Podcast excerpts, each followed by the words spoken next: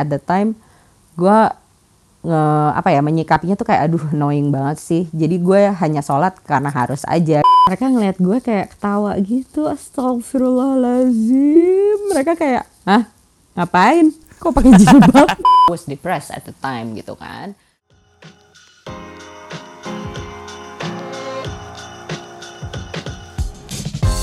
Hi, you're listening to Get Real with Ryan, a podcast that inspires people to show the real side of them with the purpose of sharing valuable knowledge and also learning from each other's life experiences as a lesson and a process to us.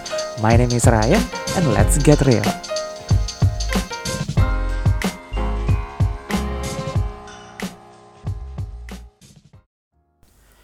Halo teman-teman semua, apa kabar? Sudah beberapa hari bulan Ramadan ini berjalan dan welcome to the first episode of Get Real with Ryan. Yay! Kita berikan semangat yang meriah. Wow, jujur bintang tamu belum ngomong ngomong. oke oke lo kasih aba-aba dong Iya, nanti kita kasih aba-aba Oke, kok Kak. oke. Mohon ditunggu ya. oke Di episode pertama ini kita akan membahas sebuah fenomena yang jujur lumayan ramai diperbincangkan sama masyarakat belakangan, yakni fenomena hijrah di kalangan milenial.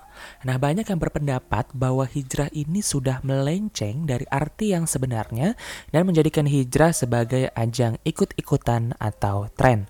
Untuk membahas hal ini lebih dalam, hari ini gue sudah mengundang teman baik gue yang sudah siap untuk membagikan kisahnya kepada kita semua.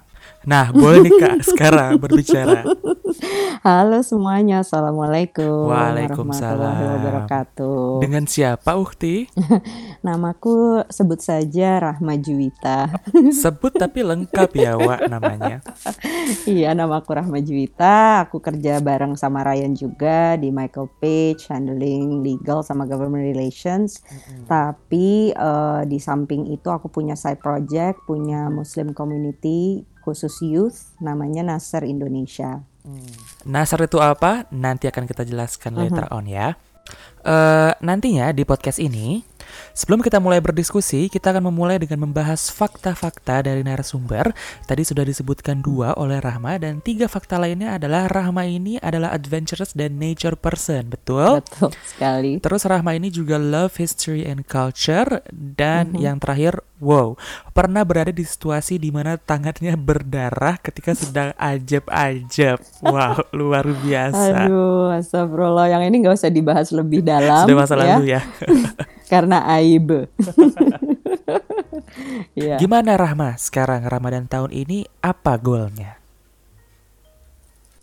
Waduh, Ramadan tahun ini goalnya banyak banget. Em, tadinya sih plannya pengen coba hatam Quran dua kali, tapi ngelihat eh, situasi kayak gini, terus harus ngejaga working from home juga, kayaknya sih eh, untuk tahun ini masih belum bisa, tapi tetap akan usaha. Nah, jangan pernah lepas usaha. Terus kemudian em, untuk ibadahnya sendiri, di samping baca Quran, pengen pengen eh, apa namanya di di eh, konsistenkan untuk zikir pagi petang terus sholat-sholat sunnah semuanya rawatib 12 rakaat sholat tahajud sholat istiqoroh semuanya deh kalau bisa dilakukan gitu. Itu itu sih eh, daily target gue. Alhamdulillah. Semua berkat pokoknya harus kita rampas ya di Ramadan ini. Oke nah Mak ngomongin soal tema yang tadi kita sebutkan di awal nih. Kan hijrah itu lagi mulai tren banget di kalangan milenial. Kalau menurut lo sendiri apa sih definisi hijrah itu? Definisi hijrah. Hijrah itu adalah sebuah proses untuk menjadi lebih baik lagi. Dan kalau menurut gue sendiri sih hijrah itu adalah proses yang akan terus berlanjut sampai lo meninggal ya. Jadi it's an ongoing voyage yang gak akan pernah usai karena kita sebagai manusia tidak akan mungkin sempurna karena yang sempurna itu hanya Allah. Iya. Jadi em, kalau misalnya yang sekarang ada di masyarakat itu kan em, rata-rata tuh kebanyakan oh pada baru berhijab which is bagus alhamdulillah. Tapi what's next gitu. Nggak cuman pakai hijab terus lo udah dibilang hijrah juga enggak karena eh, walaupun ini miris tapi pada nyatanya juga masih banyak yang berhijab tapi mungkin niatnya belum lurus hanya karena Allah. Banyak yang berhijab karena tuntutan keluarga mungkin atau tuntutan lingkungannya mereka sendiri. Jadi belum benar-benar me mencari arti apa sih kenapa kita harus pakai hijab, kenapa sih kita harus menjadi lebih baik lagi gitu loh. Tapi dengan maraknya tren ini ya bagusnya alhamdulillah banyak juga uh, gerakan-gerakan uh, komunitas-komunitas muda yang aktif lah di seluruh wilayah di Indonesia gitu loh. Banyak anak-anak sekarang udah nggak malu gitu kalau mau pelajarin agama. Kayaknya kalau kita ngomongin sekitar 10 tahun lalu, aduh kalau anak-anak muda mau belajar agama, hah ngapain loh? Pasti kan dibilangnya kayak ya. gitu. Jijaj, jarang banget lah umur-umur SMA kayak belajar ngaji itu bisa dihitung jari gua rasa. Cuman sekarang alhamdulillah karena banyak juga um, apa ya tokoh-tokoh di masyarakat yang juga udah mulai um, mencoba menjadi lebih baik lagi jadi mereka juga jadi contoh yang baik untuk uh, anak-anak muda sekarang jadi ya kita harus selalu support lah gerakan-gerakan ini apa pun itu kan setiap orang punya masa lalu setiap orang punya isu masing-masing yang penting mau belajar dan mau menjadi lebih baik lagi kalau itu udah ada kemauan itu pasti insya Allah Allah mudahkan juga gitu loh. Dan sekarang udah banyak banget platform-platformnya tinggal pilih. Kalau dulu kan kayaknya uh, nyari guru ngaji tuh kayak aduh guru ngaji yang datang ke rumah tuh kayak boring-boring gitu loh cara ngajarinnya juga. Kalau sekarang ustadz-ustadz udah juga lebih jadi kreatif gitu loh cara memperkenalkan uh, Islam gitu, lebih menarik, pakai PowerPoint, uh, cara menceritakannya Betul. juga lebih uh, apa ya lebih menyenangkan lah untuk didengar oleh umur berapapun range umur berapapun tuh jadi punya punya ininya sendiri punya uh, platformnya masing-masing. Hmm. Oke, nah tadi kan lo sebutin juga kalau misalkan hijrah itu uh, reasonnya banyak, mungkin ada tuntutan keluarga atau mungkin let's say mungkin lingkungan teman-temannya hmm. juga ikutan hijrah. Hmm. Kok kayaknya gue uh, belum ikutan gitu. Nah kalau misalkan lo sendiri kisahnya bagaimana? Bisa satu jam sendiri nih bu. Aduh kisahnya where to start ya. Oke, jadi oke okay, mungkin uh, dimulai dari education background dulu kali ya. Mm-hmm. Um, gue itu SD di Al Azhar Pusat, mm-hmm. jadi di SD Islami belajarnya juga agamanya bagus gitu foundationnya kuat dan kebetulan uh, foundation dari keluarga gue juga kuat gitu.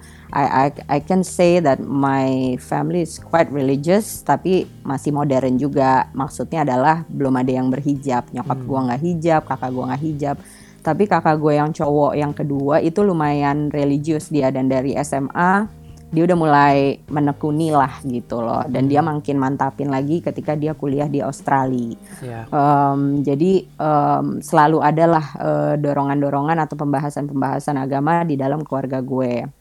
Namun kemudian SMP SMA gue pindah ke uh, sekolah uh, National Plus at the time. Sekarang udah jadi International Plus Uh, jadi pelajaran agamanya I must say agak kurang gitu dibandingin Al Azhar dulu. Maksudnya dulu kan Al Azhar kayak kalau lo nggak hafal juz 30 lo nggak bisa naik kelas. Oh ya? Kelas 6. Iya kayak gitu. Jadi ada juz ama tuh lo harus hafal semua ada hafalannya. Mm -hmm. Bacaan sholat sama artinya lo harus hafal ujian prakteknya gitu loh. Hmm. Um, terus di SMP SMA mulailah gue dengan lingkungan baru. Pastinya kan kalau anak baru ya you just want to uh, blend in kan. Jadi mm -hmm. um, keikut lah. Apalagi kan masih kecil juga masih labil belum punya identitas diri yang kuat dan lain-lain. Jadi uh, ke bawah suasana ke bawah lingkungan uh, pergaulan yang bisa dibilang bebas. Dan gue di situ juga mulai agak jarang sholat apalagi hmm. baca Quran dan lain-lain. Tapi kalau di rumah gue selalu dibilang sama nyokap gue udah sholat belum? Udah sholat belum? Nah at the time gue nge apa ya menyikapinya tuh kayak aduh annoying banget sih. Jadi gue hanya sholat karena harus aja gitu loh bukan gue sholat karena mendalami artinya atau apa sih esensi sholat yang kayak gitu-gitunya tuh jadi hilang gitu. Hmm. SMP SMA uh, kuliah kuliah juga gue di uh, Universitas uh, Kristiani jadi lebih hilang lagi. Dan at the time gue juga sempat tinggal di sana di dekat kampus jadi makin lepas lah gitu. Tapi hmm, kebetulan kakak gue yang kedua yang kuliah di Australia itu dia akhirnya kan punya anak. Nah hmm. jadi dia memberikan apa ya suatu syarat. Dia tahu gue bandel tapi gue sukanya kakak gue itu dia tuh bukan tipe preacher gitu loh. Jadi dia diem aja. Kalau gue nanya apa apa tentang agama baru dia jawab seperlunya. Tapi dia tidak pernah menggurui tidak pernah uh, dikte gue atau even marah-marahin kalau minum sih kok ini sih gitu enggak uh, jadi gue respect him for that gitu nah dia tuh cuma ngasih satu syarat kalau misalnya lo mau main sama anak gue, hmm. tiap hari minggu lo harus ikut gue kajian di rumah temen gue. Hmm. Nah itu tuh kajian gue ikutin dari SMA kelas 1 sampai gue kuliah, sampai even kerja. Sampai sekarang kok masih ada tuh pengajian. Tapi lo beneran ikutin per minggunya? Iya, setiap hari Minggu gue pasti dia spend time di rumah gue. Habis itu kita sorenya ke pengajian sampai hmm. maghrib, terus baru pulang ke rumah masing-masing. Seperti itu terus. Tapi itu lo belum merasakan adanya urge untuk uh, kembali? Belum sama sekali. Tapi I must say, walaupun gue at the time belum uh, ada panggilan dari Allah, tapi I I did enjoy learning about Islam gitu loh. Ada banyak values-values Islam yang gue juga wow jatuh cinta gitu loh. Cuman mungkin waktu itu belum terketuk saja. Sampai akhirnya long story short di tahun 2017 gue udah merasa kayak apa ya, aduh kok hidup kayak gini-gini terus. Gue mau ngapain sih uh, dalam hidup kalau misalnya gue main-main kayak gini terus badan gue juga udah mulai capek gitu hmm. karena kan gue juga bandel udah lumayan early ya dari SMP kelas 2 hmm. sampai ya sampai gue kerja gitu loh dan gue capek kayak itu tuh kayak lingkaran setan aja kayak gitu terus gitu terus semua udah gue coba uh, pergi udah ke mana aja berteman ke mana aja gue literally berteman sama siapa aja gitu loh. Dan di situ juga gue belajar gue ngelihat banyak lapisan masyarakat yang berbeda-beda gitu kan. Terus akhirnya gue look at my I looked at myself uh, in the mirror uh, di tahun 2017 awal gitu deh ya. 2017 Januari itu gue ingat banget. Gue kayak nggak mengenali diri gue sendiri gitu loh. Hmm. karena hmm, secara fisik gue juga waktu itu kurus banget kayak mukanya kusam terus mukanya kusam uh, uh, mukanya kusam lalu kemudian um, apa namanya uh, semua values-values yang diajarin sama keluarga gue at the time rasanya semua udah gue cross gitu loh. Jadi gue kayak apa ya identity crisis lah. Jadi Rahma ini siapa sih? Apa sih values-values yang lo uphold gitu loh. Jadi uh, a lot of questions came up to my mind and it troubled my soul. Gue jadi rasanya kayak wah nggak bisa nih gue hidup kayak gini terus. Karena I feel like I wasn't myself gitu loh. Gue gue hidup hanya membuat persona yang cocok dengan lingkungan gue hmm. tapi it was not the real me gitu loh. And I can feel it in my bones in my soul gitu. Jadi akhirnya gue itu orangnya oke okay, mungkin a little bit background juga gue ini orangnya sangat ekstrim. Bukan lagi. uh, uh, gue nggak bisa setengah-setengah karena gue orangnya labil gitu loh. Kalau gue ada di tengah-tengah, gue pasti keikut lagi yang udah kebiasaan lama. Jadi uh, when I decided that I need to change, I change quite drastically gitu loh. Jadi um, waktu itu gue decided untuk uh, locking myself in. Uh, gue di rumah selama dua bulan, nggak pernah pergi sedikit pun semua teman-teman dekat gue WhatsAppnya gue blok, Instagramnya gue unfollow. Hmm. Uh, bukan karena gue sebel sama mereka, karena gue belum mempercayai diri gue sendiri untuk bisa kuat untuk remain in that situation. Di samping gue mau berubah gitu.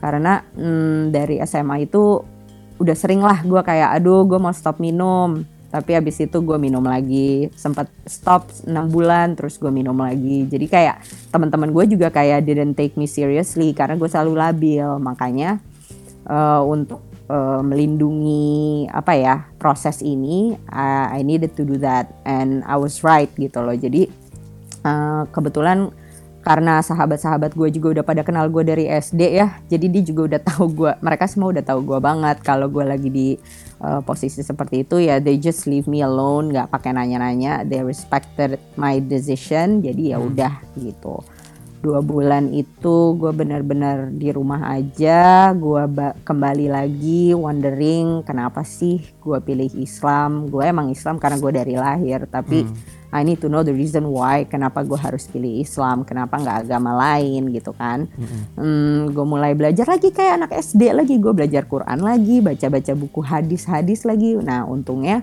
karena keluarga gue background foundationnya bagus jadi buku-buku agama di rumah gue banyak banget gue tinggal buka-buka aja deh tuh satu-satu yang sebelumnya tidak pernah awak tengok ya yeah. kan terus kemudian gue mulai belajar lagi uh, gue lihat di YouTube gue ingat banget lah uh, dulu tuh gue cuman mau nonton ustadz-ustadz dari luar negeri karena hmm. jujur um, peng pengetahuan gue sama ustadz-ustadz di Indonesia itu belum terlalu banyak dan kebanyakan yang gue tahu tuh terlalu keras gue nggak hmm. suka gue paling nggak suka dakwah orang-orang yang terlalu keras hmm. karena menurut gue agama Islam itu harusnya lembut me, me, apa ya mengajarkan kelembutan, kebaikan gitu. Jadi harusnya nggak usah yang ditakut-takutin gitu sih. Mungkin beberapa orang ada yang cocok seperti itu, tapi kalau di gua nggak cocok gitu kan. Jadi hmm. ya udah akhirnya gue mulai cari-cari sendiri terus sambil nanya-nanya rekomendasi dari kakak gue sama teman-teman gue yang uh, di luar lingkungan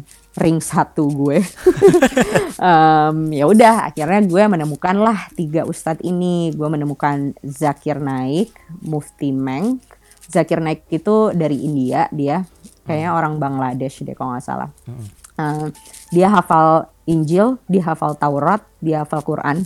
Dan gue suka banget cara dia ngejawab pertanyaan-pertanyaan khususnya dari orang-orang non muslim itu tuh bener-bener kayak oke okay, um, apa ya memberikan uh, epiphany buat gue bahwa memang Al-Quran adalah kitab yang paling sempurna yang emang Allah sempurnakan menyempurnakan kitab-kitab sebelumnya seperti itu lalu kemudian gue menemukan satu ustadz namanya Mufti Meng dia itu orang Zimbabwe dari hmm. Afrika nah gue suka paling suka banget the way he communicates itu sangat amat halus, sangat amat lembut, uh, um, structured banget, kosakatanya juga indah gitu.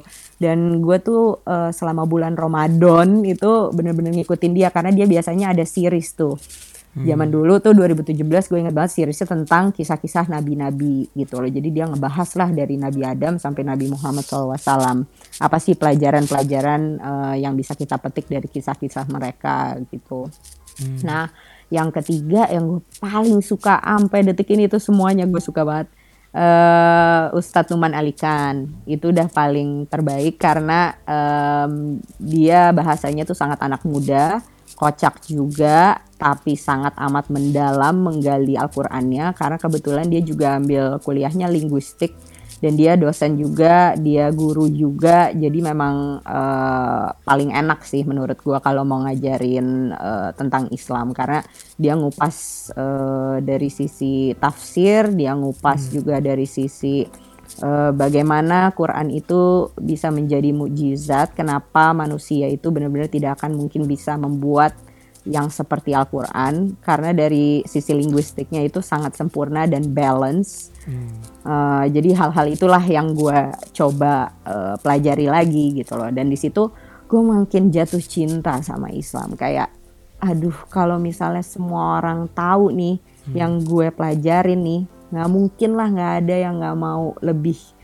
mendekatkan diri lagi kepada Allah. Karena pada dasarnya dulu gue sendiri mikir kayak Islam itu aduh kok ribet banget ya? Banyak banget nih aturannya. Kayak indah nggak boleh itu nggak boleh gitu kan. Tapi ketika kita belajar dan kita ngerti gitu ya uh, dari perspektifnya Allah gitu ya lo ngelihat aja coba contoh orang tua orang tua kan juga banyak aturan ya kan? Mm-hmm. kamu nggak boleh ini awas jatuh itu sakit ini apa ini nggak boleh jangan main api gitu. Ya itu sama aja sama Allah. Intinya intisarinya adalah orang tua mau kita sukses mau kita bahagia mau kita aman. Nah lo bayangin Allah itu cintanya melebihi orang tua kita. Hmm. Nah kalau lo ngelihat dari perspektif itu nggak mungkin lo nggak semangat mengikuti syariat Islam, nggak hmm. mungkin karena lo ngelihatnya out of love instead of order. Hmm. Ngerti hmm. gak sih lo? Yeah, nah yeah. dari situ gue bener-bener kayak wah gue nggak pernah ngelihat Islam seperti ini sebelumnya gitu loh karena of course lah kalau masih kecil SD gitu kan lo lebih kayak di di direct gitu kan karena lo emang harus apal aja dulu gitu nanti hmm. uh, untuk find the real uh, wisdom within Islam ya itu set, uh, as you go along the way gitu loh dan itu emang lo harus cari sendiri. Nggak hmm. bisa deh lo kayak cuman ikut-ikut doang kalau lo nya dari dalam nggak yang bener-bener curious dan pengen ngegali terus set your own target apa yang lo mau ketahuin lo harus banyak question sih kalau nggak banyak mempertanyakan tentang uh, agama ini ya lo nggak akan mungkin bisa fully appreciate it gitu loh menurut gue ya. Hmm. Nah dari situ gue yang kayak aduh gimana nih ya cara gue bisa memperkenalkan Islam dengan cara yang gue udah dapatkan gitu ke teman-teman gue. Karena seperti yang gue bilang uh, di uh, eh, SMP SMA gue itu kan national plus agamanya belum terlalu ya bagus lah ya bisa dibilang pelajaran agamanya. Standar-standar aja. Makanya gue pengen memperkenalkan the beauty of Islam kepada teman-teman gue yang mungkin dulu SD-nya nggak di Al Azhar gitu loh. Jadi hmm. Pasti kan dia benar-benar nggak pernah ada perkenalan ini gitu loh jadi gimana mereka bisa appreciate kalau mereka belum kenal akhirnya singkat kata nah pas 2017 itu gue sempet umroh juga tuh. Hmm. Gue sempat umroh bulan Aprilnya. Hmm. Uh, bulan April umroh di situ gue bener-bener doanya cuma satu. Ya Allah, um, aku ingin dekat kepadamu. I don't know how, I don't know uh, what to do. Please guide me. Udah gitu doang. Itu hmm. doa gue di mana-mana di di apa namanya depan Ka'bah, di Raudhah semuanya kayak ya Allah aku ingin hidup dengan jalan yang lurus gitu loh tapi aku nggak tahu mesti mulai dari mana I'm lost just please guide me gitulah hmm. dari situ gue pulang nah kan gue alhamdulillah udah umroh uh, dua kali sebelumnya nah alhamdulillah alhamdulillah. Nah pas um, setiap umroh itu beda lah experience-nya beda-beda. Karena kan pertama umroh gue SD kedua umroh gue SMP ketiga gue udah kerja gitu kan.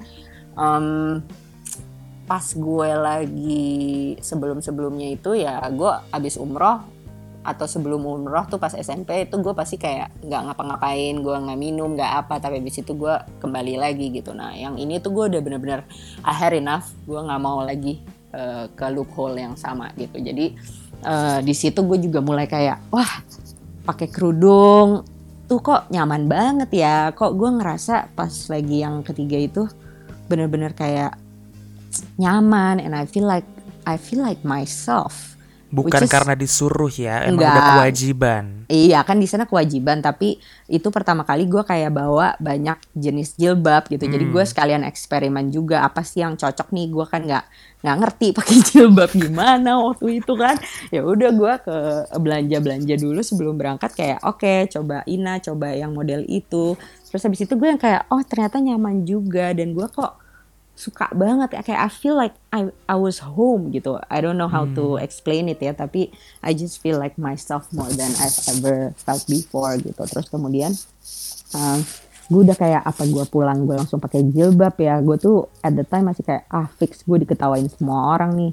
Gue kayaknya belum siap deh ntar kalau gue pakai terus gue lepas gimana aduh nggak mau gitu karena gue tuh nggak pernah main-main deh kalau masalah agama walaupun at the time gue masih masih berantakan tapi kalau udah masalah agama gue bener-bener nggak bisa uh, setengah-setengah gitu kan. Jadi um, pas sampai pulang dari ke Jakarta gue kayak aduh pakai nggak ya? Tapi masih takut apa kata orang dan lain-lain. Akhirnya gue belajar lagi belajar lagi. Nah dua bulan itulah dua bulan tuh gue lock myself after umroh.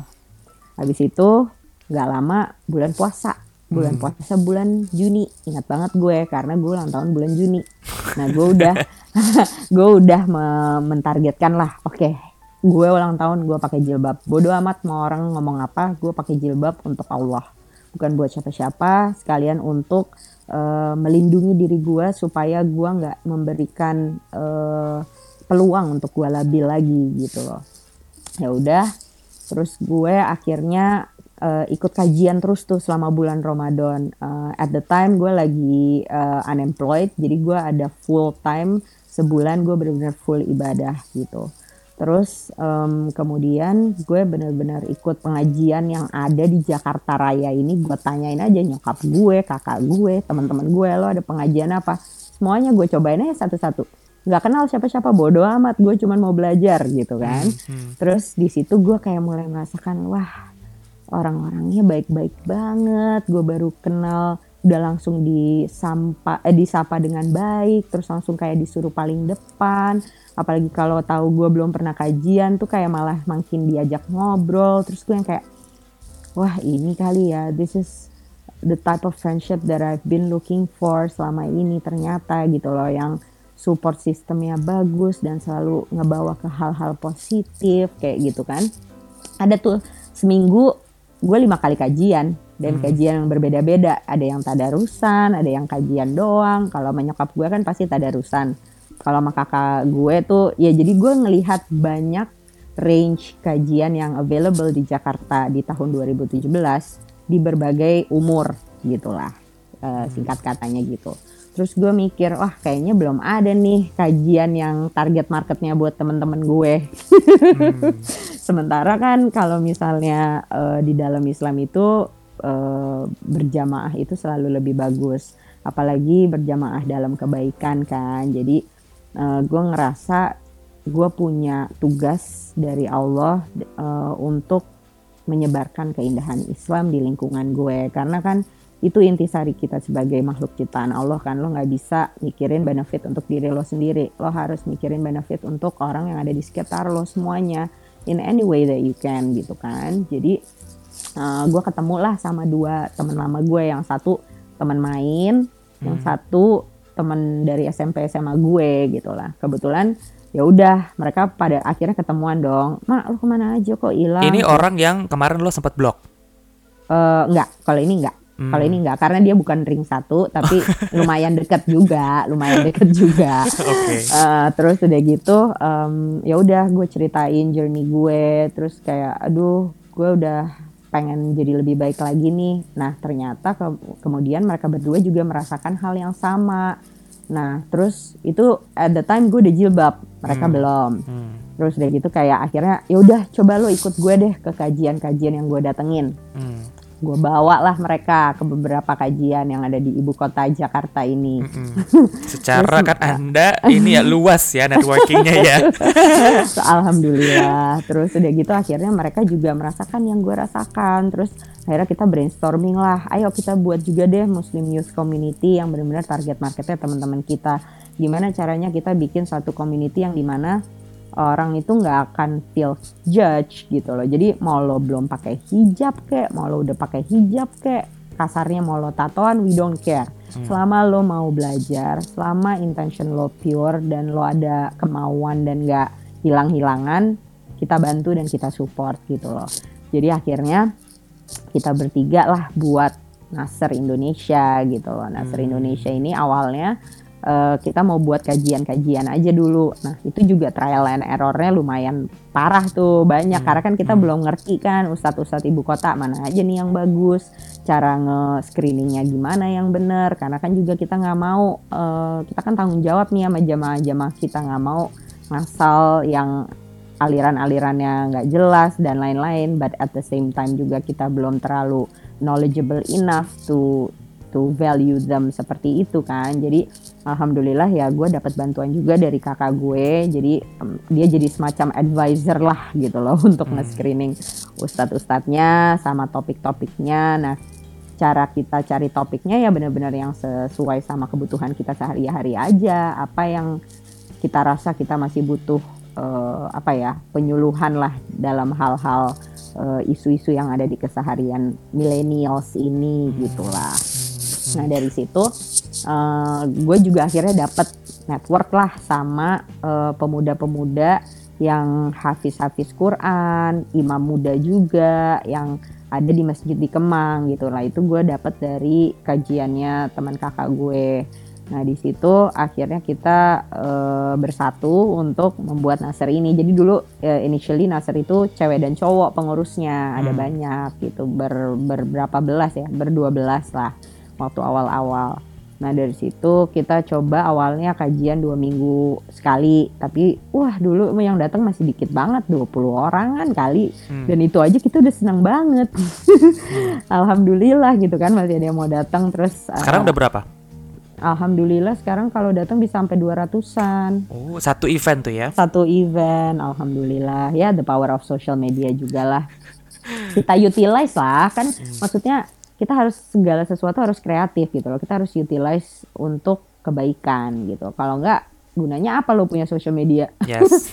itu aja sih. Betul. Terus udah gitu akhirnya uh, lama-lama uh, setahun pertama kita banyak trial and error Uh, kemudian tahun kedua kita decided untuk fokus untuk ahwat aja, untuk perempuan aja, karena kan uh, eh, gue ngerasanya kita harus mulai ngebina nih, karena kita ngelihat target marketnya yang datang tuh banyak kan yang udah ada yang mau nikah, ada yang udah punya anak, yang moms, yang kayak gitu-gitu kan. Jadi kan kita rasa ini banyak yang harus dipupuk nih ibu-ibu untuk bisa mendidik anak-anaknya ke depan gitu dalam nilai Islam. Jadi akhirnya kita khusus akhwat, nah yang cowok-cowok pisah mereka bikin sendiri juga imam muda. Nah imam muda itu platform lain lah gitu. Terus kemudian hmm, akhirnya kita uh, sekarang ada ada ada tiga uh, jenis kegiatan lah di dalam Nasar. Yang pertama kajian. Nah, kajian itu tuh uh, sebulan sekali lah ya, sebulan sekali. Tapi berhubung Covid gini kita lagi stop dulu, tapi kita hmm. lagi mau coba godok untuk bikin online kajian hmm. karena banyak yang udah uh, ke arah sana juga sekarang. Terus kemudian kita ada humanitarian project juga, jadi itu uh, lebih ke kayak CSR-nya kita lah ya. Kita bantu-bantu. Kemarin tuh kita sempat ada program seribu mukena. Mm-hmm. ya itu dicetuskan sama salah satu uh, tim Nasr juga namanya Narida. Dia yang membuat ide itu. Jadi gimana kalau kita kumpulin mukena-mukena mau baik baru atau second tapi yang masih bagus terus kita distribute all across Indonesia gitu loh. Jadi uh, kita um, banyak nanya juga sih di Instagram account kita kira-kira musola sama masjid di daerah kalian mana nih yang membutuhkan nanti kita tinggal kirim. Nah itu alhamdulillah ternyata mukena yang terkumpul tuh sampai dua ribuan lebih bahkan. Terus Masya kita kelimpungan sendiri. Tuh gimana nih ya? Bagiin ya. Jadi ada uh, kita nggak bagiin cuma di Jakarta doang. Keluar kota juga banyak. Terus gue kemarin sempat uh, travel ke Spanyol gue bawa juga untuk komunitas Islam di sana. Uh, temen gue ada yang ke San Francisco juga dibawa, terus ada yang ke Jepang juga dibawa. Jadi kita worldwide tuh akhirnya, alhamdulillah banget. Jadi perfect timing lah semuanya. Itu super sukses. Hmm, lalu kemudian kita juga ada uh, program kerjasama sama ACT yang kemarin uh, buat ngebantu Palu korban uh, gempa. Uh, kita sempat alhamdulillah terkumpul dana sampai uh, eh, 150 juta untuk bikin dua sumur. Karena kan mereka nggak ada air ya. Kebanyakan mm -hmm. kan orang-orang tuh uh, pada nyumbangnya tuh air yang ada di botol. Jadi mm -hmm. sekali pakai habis gitu kan. Kita kan mau yang sustainable nih gitu kan. Yang mau terus-terusan lah manfaatnya sampai sepanjang masa akhirnya. Ya udah since kita we don't have the apa ya uh, technicality kita cuma bisa kumpulin dana akhirnya kita kerjasama sama ACT mereka udah punya tim yang solid di lapangan udah punya uh, apa namanya timnya sendiri. Jadi ya udah kita tinggal kerjasama aja di situ. Uh, kita juga sempat uh, untuk yang ACT itu kita kerjasama sama dua komunitas lainnya. Hmm. um, lalu kemudian kita juga sempat uh, pergi ke uh, mau bikin Aster Travel tadinya. Mm-hmm. Uh, kita sempat kemarin test drive pertama itu ke Akso, ke Mesir sama ke Jordan mm-hmm. untuk napak tilas uh, jejak Nabi kan di situ. Nah, itu luar biasa banget experience-nya tidak ada duanya. Kalian semua pendengar di sini harus pergi ke sana. kalau punya uh, kalau punya rezeki lebih mendingan ke sana deh soalnya uh, kaum muslimin yang ada di Akso itu sangat-sangat amat membutuhkan moral support. Mereka nggak minta duit loh, gila ya. Padahal udah di udah dijajah kayak gimana pun mereka aja tuh cuman kita tuh cuman seneng kalau saudara-saudara kita dari Indonesia pada ke sini uh, kita merasa empowered dan kita menjadi lebih semangat untuk uh, melindungi Akso. Wah itu merinding sih. Gue di sana sih tiap hari nangis sih. Berapa lama di sana total? total uh, 13 hari. Hmm, tiga negara ya? Berarti Iya. berapa? Hmm. Mm-mm. Jordan, Mesir, sama uh, Aqsa. Hmm. Eh, Palestina lah ya. Palestina. Balik lagi ke mengenai hijrah. Mm-mm. Tadi gue ada beberapa pertanyaan. Satu mengenai kayak eh, respon orang-orang. Pasti kan ketika kita berubah ada yang menerima dan mungkin ada yang tidak menerima. Mhm. Respon keluarga dan lingkungan sekitar gimana tuh? Oke, maaf ketawa karena emang lucu aja gitu. Waktu awal gue pakai jilbab, mohon maaf lahir dan batin, nyokap dan kakak gue yang perempuan. itu tuh karena waktu itu kan gue mau pergi ke Sensi, gue ingat banget gue mau nonton. Terus gue udah tiba-tiba pakai hijab aja gitu, kan malam-malam kan. Biasanya kan kalau pakai hijab kalau ke kajian. Um, terus mereka ngeliat gue kayak ketawa gitu, astagfirullahaladzim. Mereka kayak, hah ngapain? Kok pakai jilbab? Terus yang kayak, hah emang kenapa? gue udah nggak tahu lagi. Cuman ya at the time ya karena gue bener-bener lillahi ta'ala, itu nggak efek gue sama sekali responnya mereka itu. It doesn't mean it didn't mean anything to me. Yeah, still doesn't mean anything to me now. Karena kayak ya udah kalau lo selama punya foundation yang kuat dan uh, tujuan yang uh, solid, orang mau ngomong apa you don't care man. Hmm, hmm. Dan itu ibu gue sendiri dan kakak gue sendiri. Gue cuma bilang "I- iya emang mau pakai aja. Hah, kirain mau pengajian malah diketawain astagfirullahaladzim. Tapi alhamdulillahnya nyonya RI1 sekarang udah berhijab ya. Alhamdulillah setahun setahun setelah aku berhijab dia juga berhijab. Alhamdulillah. Alhamdulillah. Walaupun itu juga take some convincing from ya itu udah jalan Allah lah gitu ya. Iya. Terus kemudian eh, nyokap gue sih awalnya kira gue eksperimental doang, makanya she didn't take me seriously gitu. Tapi Si labil ini ya. Ah, ah, si labil ini ah mungkin dia lagi episode gitu kan. Terus kemudian tapi selama bulan Ramadan dia lihat sendiri eh, perubahan gue gue alhamdulillah dibangunkan terus sama Allah untuk tahajud sholat selalu di awal waktu tadarusan nonstop. Ini bukannya sombong tapi ini gue memberikan contoh aja ya guys. Gue nggak mau dibilang ria.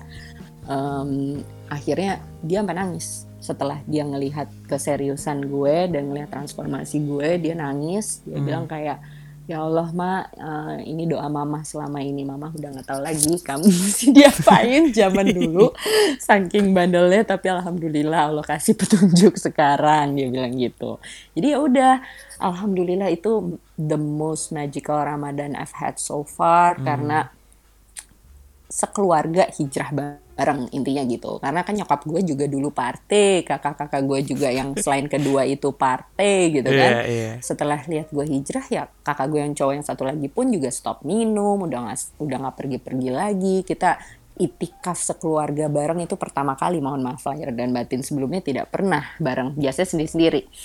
Akhirnya hmm, ya udah itu tuh itu kali ya eh, esensi sakinah mawadah warohmah tuh baru gue rasain saat itu. Dan itu indescribable itu nikmat imannya luar biasa. Tiap hari gue nangis nangis bareng-bareng. And it's just it's so perfect gitu loh. Gue nggak kebayang surga kalau dunia aja kalau lo bisa mengikuti syariat Allah dengan baik dan benar bisa creating that kind of lifestyle aja gimana nanti gitu loh. Jadi ya udah di situ bener-bener kayak ya Allah enak banget ya hidup kayak gini ke mana ya aja gue? Dulu keliling-keliling ke sana ke sini tapi nggak dapat ketenangan jiwa. Ternyata ketenangan jiwa cuma ada di sajadah. Nggak usah Iya. jauh-jauh lo tinggal sujud. Dodol banget nggak sih? You think you you were smart you think you were like academically bagus dan lain-lain. Tapi sebenarnya the answer is right under your nose gitu loh. Dan Iya. jadi ya memang kepintaran itu nggak bisa lo nggak ya nggak bisa lo ukur dari academically sih jadi kayak ya EQ sih dan EQ itu baru bisa akan eh, signalnya kuat kalau lo kembali kepada Allah lah ya Ya, emang jawabannya udah ada di situ ya, Mak ya, Heeh, di depan tinggal- mata kita, heeh. tapi butuh Belum. waktu berapa lama tuh akhirnya menyadari kan? ya tinggal pertanyaannya lo mau lihat atau enggak kalau Iya. lo mau lihat Allah akan bukakan hati lo gitu Allah tuh nggak Hmm. akan mungkin nggak ngejawab doa lo kok Hmm, hmm. tapi kan manusia sendiri aja yang suka sombong dan even nggak even mau minta kan hmm. Allah tuh akan selalu kasih men gue tuh udah sampai nge-experience ya salat tahajud besokannya yang gue minta itu langsung dikasih. Itu berkali-kali Rian. Gue sampai nangis. Hmm. kayak ya Allah inilah mujizat. Ya Allah ternyata doa itu sangat amat powerful ya. Tapi if only semuanya bisa ngelihat itu gitu loh. Sayang kan jadinya. Padahal itu itu weapon kita tapi nggak pernah kita gunain. Karena kita nggak even tahu the power within gitu loh. Jadi kayak hmm. ya inilah kenapa gue jadi semangat banget juga untuk menyebarkan keindahan Islam. Karena nggak mungkin lah orang punya otak ya kalau memang mau digunakan. Kalau lo ngelihat Islam itu tuh agama yang paling sempurna. Semuanya sampai lo ngupil mohon maaf lahir dan batin aja di di ada aturannya. ada caranya ada caranya gitu loh. Hmm. Wow, mohon maaf, aus kak. Uh, mohon maaf, mohon maaf. Ngomong mulu nih soalnya. Sama ini, um, apa namanya? Kalau misalkan teman-teman lo itu, gue denger katanya sempat sat, uh, satu Jakarta shock. Oh, oh ya kalau dari pertemanan ya satu Jakarta Raya itu shock, ya kan? Kayak hah Rahma Juwita jilbab, ya Allah gitu kan. Ada yang kayak oh alhamdulillah karena kan emang di uh, di SMA gue tuh gue orang kedua yang pakai hijab. Sebelumnya ada satu ya ya udah gitu kan. Hmm. Terus habis itu um, semuanya kaget uh, dan after dua bulan gue mengurung diri itu akhirnya kan gue mulai catch up lagi sama teman-teman hmm. gue tapi nggak langsung rame-rame. Gue maunya kayak one by one. Uh, dan gue start dari yang gue deket-deket dulu. Terus kemudian akhirnya uh, pas gue udah mulai rekindle lagi sama ring satu gue hmm. apparently ya they all went their separate ways juga setelah gue menjauh gitu loh. Ternyata mereka juga punya journey masing-masing menjadi lebih baik lagi alhamdulillah juga dan kita uh, reuni kembali ya udah kita jadi sharing satu sama lain kayak oh what happened kayak oke okay, journey gue gini gini gini gini and it's it's just so empowering like now we we are together again we bring positivity to each other dengan cara yang berbeda-beda. Ada yang jadi ahli meditasi, ada yang hmm. uh, beda-beda lah gitu. Dan kita saling memperkaya dengan ilmu gitu. Karena kan at the end of the day yang kita yang kita mau cari itu kan kedamaian jiwa ya. Hmm. Uh, ada yang udah gak temenan lagi nggak? Enggak sih, alhamdulillah masih temenan semua. karena ya mereka juga ikut seneng karena kan kalau misalnya teman your true friend pasti akan terus support lo no matter what yes. gitu loh. Dan true friend itu juga nggak necessarily lo harus uh, ngomong tiap hari gitu kan. It's mm-hmm. quality over quantity lah gitu loh. Jadi di situ gue juga lebih merasa apa ya empowered. Gue alhamdulillah juga Allah ngedesain gue juga bukan tipe orang yang kayak harus ngikutin crowd terus gitu loh. Gue berani sendiri kalau gue ngerasa gue bener gitu loh. Hmm. Nah, gue mikirin kenapa gue mau buat Nasar gimana dengan orang-orang yang mungkin tipe followers gitu. Mungkin di dalam lubuk hatinya mereka udah mau menjadi lebih baik, tapi lingkungannya belum mendukung, mereka jadi keikut-ikut lagi. Nah, gue tuh mikirin orang-orang ini gitu loh. Jadi, gue mau bikin Islam itu keren. Gue mau bikin kalau lo tahu lebih banyak tentang Islam, lo tuh malah lebih knowledgeable dan lebih pandang di masyarakat malah lebih bagus gitu loh. Gua nggak mau karena kan uh, realitinya kan zaman sebelum hijrah movement ini gede kan ya lo kalau religious lo cupu mm-hmm. gitu aja kan. Kayak apaan sih basi kayak gitu kan. Nah gue mau bikin nih Islam tuh keren men. Kalau lo belajarin nilai-nilainya sih wow, mind blown. Karena gue aja sampai detik ini mind blown every day gitu loh. Gimana yeah. yang belum tahu apa-apa gitu kasarnya. Itu hmm, sih. Hmm. Oke. Okay. Nah, satu lagi, Mak. Um, hmm. Melihat diri lo yang dulu sama hmm. yang sekarang pasti kan hmm. jauh banget berbedanya. Hmm. Bisa dibilang ekstrim. apa tantangan terbesar Anda setelah Anda hijrah? Tantangan terbesar ya pastinya sih yang lebih susah itu kan maintain ya. Mm-mm di mana-mana kan. Kalau lo misalnya di kerjaan aja, oke, okay, gue mau dipromote nih, gitu kan? Ya oke okay, lo sampai certain level yang lo mau, kemudian gimana lo maintain performance lo. Jadi sebenarnya maintainnya ini yang lebih susah. And I'm not gonna lie, I'm I still have my own demons, and I I battle it every day on a daily basis. Gue juga ada kalanya iman gue turun, terus adanya ada kalanya naik lagi. But that's the whole point of having a positive uh, circle of friends yang di mana selalu mengingatkan lo untuk beramal soleh baik-baik. Makanya sebenarnya kenapa gue bikin nasar? Gue butuh nasar Ngerti gak lo? Mm -hmm. Di samping gue mau mem memberikan manfaat yang baik untuk orang banyak, tapi gue juga butuh. Kalau gue nggak ada nasar, gue bisa balik lagi terjun bebas ke yang lalu. Mm, Itu mudah banget kayak gitu. Jadi gue juga mau ngasih tahu kepada listeners asik. mohon maaf bukan Bahwa, radio nih kak. Oh ya mohon maaf Oke, okay, uh, gue mau kasih tahu kepada kalian semua bahwa it's okay, it's okay to apa ya untuk untuk untuk gagal dalam sehari terus besokannya lo lo lo coba build lagi it's it's part of the process gitu loh hmm. and that's what makes it beautiful cause at the end of the day yang paling penting adalah you know where where to turn back to gitu loh kalau dengan adanya nasar dengan adanya pemahaman agama yang lebih baik lo no matter how far you fall lo tahu lo mesti ngapain untuk get back up mm -hmm.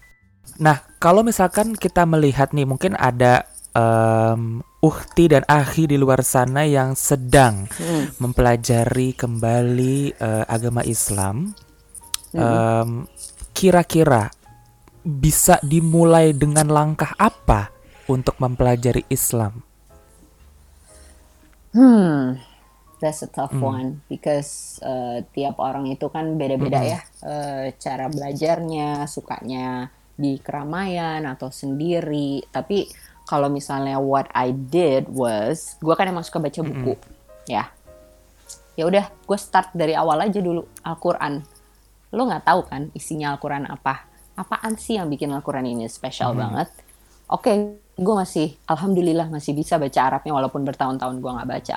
Tapi gue belum bisa uh, mendalami kalau gue baca Arabnya tuh kayak nyentuh ke hati. At the time gue mikirnya gitu. Padahal sebenarnya kalau lo biasakan baca Arabnya juga lama-lama itu sebagai terapi juga dengan lo mendengar suara lo sendiri membaca Al-Quran itu tuh sebenarnya uh, uh, uh, self therapy juga hmm. buat lo. Jadi what I did was tiap gue sholat uh, wajib itu gue pasti langsung baca Quran dua halaman lah minimum ya tergantung ini ya availability schedule masing-masing hmm. ya tapi minimum dua halaman lo baca dulu Arabnya, habis itu lo baca artinya. Hmm. Lo baca artinya, lo resapin, terus kalau lo nggak ngerti tanya, uh, tanya sama orang-orang terdekat. Yeah. Uh, in my case, gue tanya kakak gue. Kalau nggak bisa lo Google lah, uh, cari aja tafsir ayat ini, surat ini gitu. Terus lo tuh juga harus tahu kalau lo baca Quran, kenapa surat ini diturunkan pada keadaan apa waktu itu uh, keadaan sosialnya sampai Allah turunkan surat itu. Jadi lo tuh benar-benar harus gali sisi historical side-nya, sisi linguistiknya, metafor-metafor yang ada di dalam Al-Qur'an itu lo harus gali semuanya. Nah, kembali lagi lo nggak bisa ngelakuin ini sendiri hmm. gitu hmm. loh. Karena dalam beragama itu lo harus punya guru dan bahkan di Islam itu lo tuh diwajibkan punya guru lebih dari satu karena kan e, untuk mengartikan Quran itu kan banyak perspektif kan jadi lo juga apa ya diajarkan untuk bisa lebih hmm, kritikal mm-hmm.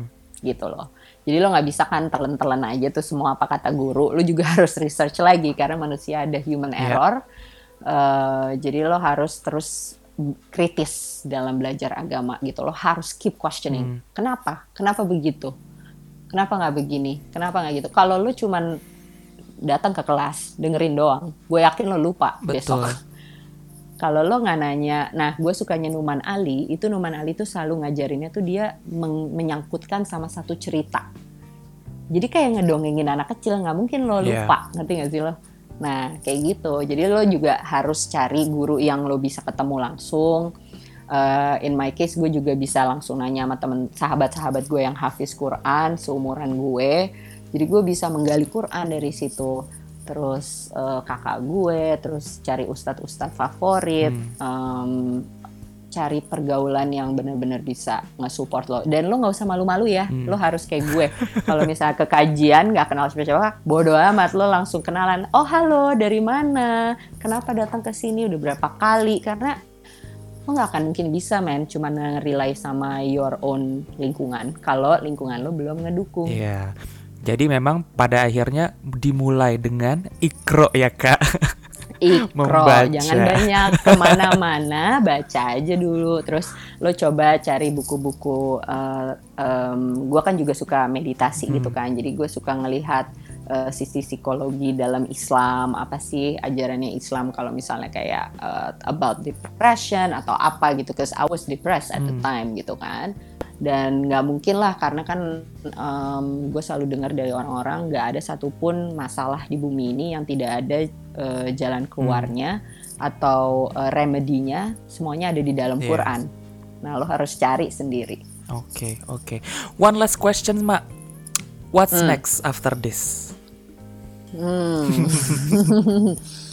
what's next after this ya yeah, I'm just gonna keep doing what I'm hmm. doing and hopefully akan ngegedein Nasr juga. Alhamdulillah juga sekarang Nasr timnya makin hmm. besar karena kita juga udah mulai nge-involvein jamaah-jamaah kita yang mau menjadi tim inti Nasr juga. So ya stay tune sama uh, acara-acara program-program Nasr lainnya karena akan ada banyak nanti ada personal development juga. Hmm. Uh, personal development tuh lebih kayak apa ya ngasih kisi-kisi lah untuk implementasinya gimana nih setelah lo udah mengerti ilmu-ilmunya diimplementasikan kesehariannya gimana nih hmm. gitu loh dalam lingkungan pekerjaan, personal, keluarga dan lain-lain. Ada sosial medianya nggak Kak Nasser? Oh ada dong, tolong di follow, like, and subscribe. Enggak deng, bukan YouTube. Instagram uh, nasser.indonesia. nasser.indonesia ya. Mm -mm, nanti bisa dilihat di situ program-program fit-fit kita apa gitu. Oke, kalau gitu Rahma, thank you so much for sharing. Hmm my pleasure. Hopefully bisa berguna ya bagi pendengar-pendengarnya. Mohon maaf karena agak sedikit kocak cara ngejawabnya, but this is who I am. Yes, and it's very important to stay true to yourself. Ya, yes. Rahma, thank you so much once again. Semoga you, uh, kita cepat bertemu kembali. Mm -mm, semoga, udah kangen banget. Semoga pandemi parah. ini cepat selesai ya. Iya dan yang hopefully semuanya baik-baik saja, sehat dan tidak terkena ya. ya. Semoga tentunya Ramadan tahun ini lancar ya. Amin. Amin, amin, amin, ya amin. Oke, okay, teman-teman hmm. semuanya, thank you so much for listening. Untuk episode kali ini, nanti kita akan eh, bincang-bincang uh, lagi dengan narasumber lain di episode selanjutnya ya. Oke, okay, thank you so much. Bye bye.